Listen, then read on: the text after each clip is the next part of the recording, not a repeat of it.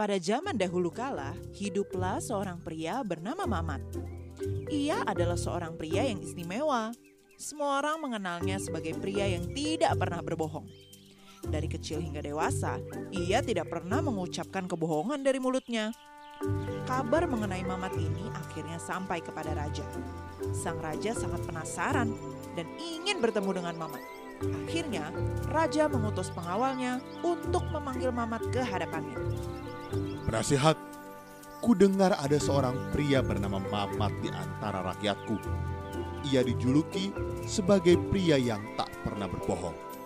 Apakah itu benar? Benar tuanku.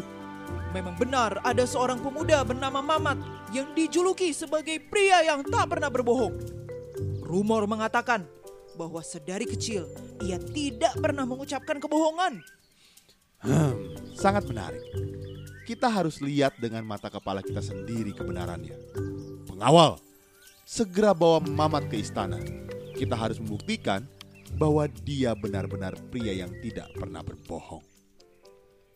Para pengawal yang diutus oleh raja berhasil membawa Mamat ke istana raja. Ia segera disuruh menghadap raja. Tuanku, kami telah berhasil membawa Mamat ke hadapanmu. Lalu, apa yang akan tuanku lakukan untuk membuktikan kebenaran julukannya? Penasehatku, apakah kau meragukan rajamu ini? Tentu saja, aku sudah menyiapkan rencana. Dan rencanaku ini akan berhasil membuat Mamat mengatakan kebohongan. Panggil dia ke sini. Tuanku, hamba adalah Mamat yang tuanku cari. Apakah yang bisa hamba lakukan untuk tuanku raja? Oh, jadi kau adalah Mamat. Aku sangat senang bisa bertemu denganmu. Hmm, Mamat, ku dengar kau tidak pernah mengatakan kebohongan seumur hidupmu. Apakah itu benar? Benar tuanku, aku tidak pernah mengatakan kebohongan kepada siapa pun.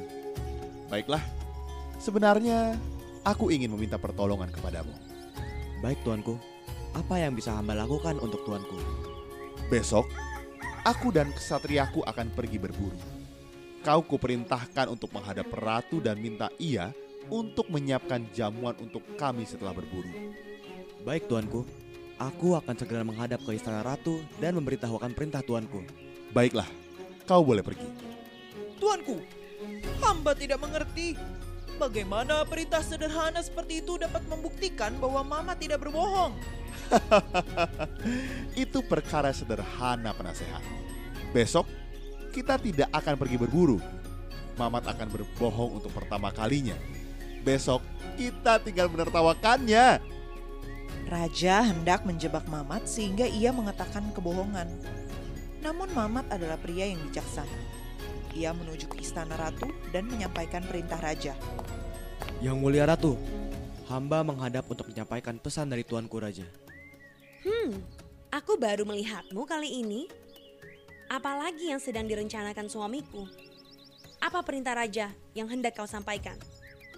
Yang mulia ratu, mungkin besok yang mulia perlu menyiapkan jamuan untuk raja setelah berburu, tetapi mungkin juga tidak.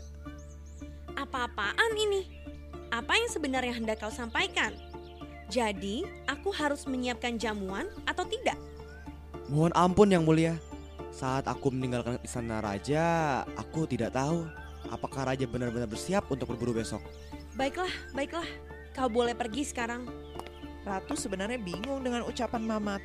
Namun dia menunggu kedatangan suaminya sang raja. Ratu bermaksud menanyakan langsung kepada suaminya. Keesokan paginya, raja datang ke istana ratu dengan wajah riang gembira. Ratuku, apakah kemarin ada seorang pria yang menyampaikan perintahku? Ya, ada seorang pria yang mengatakan hal aneh kepadaku. Hal aneh. Pasti dia berbohong. Berbohong? Tidak mungkin. Ia tidak berbohong. Ia hanya mengatakan hal yang aneh. Apa yang dia katakan? Ia berkata, "Mungkin aku harus menyiapkan jamuan untukmu, tapi mungkin juga tidak." Raja yang mendengar ucapan ratu hanya bisa terdiam. Ia benar-benar tidak percaya. Mamat bisa menyampaikan pesannya tanpa mengucapkan kebohongan.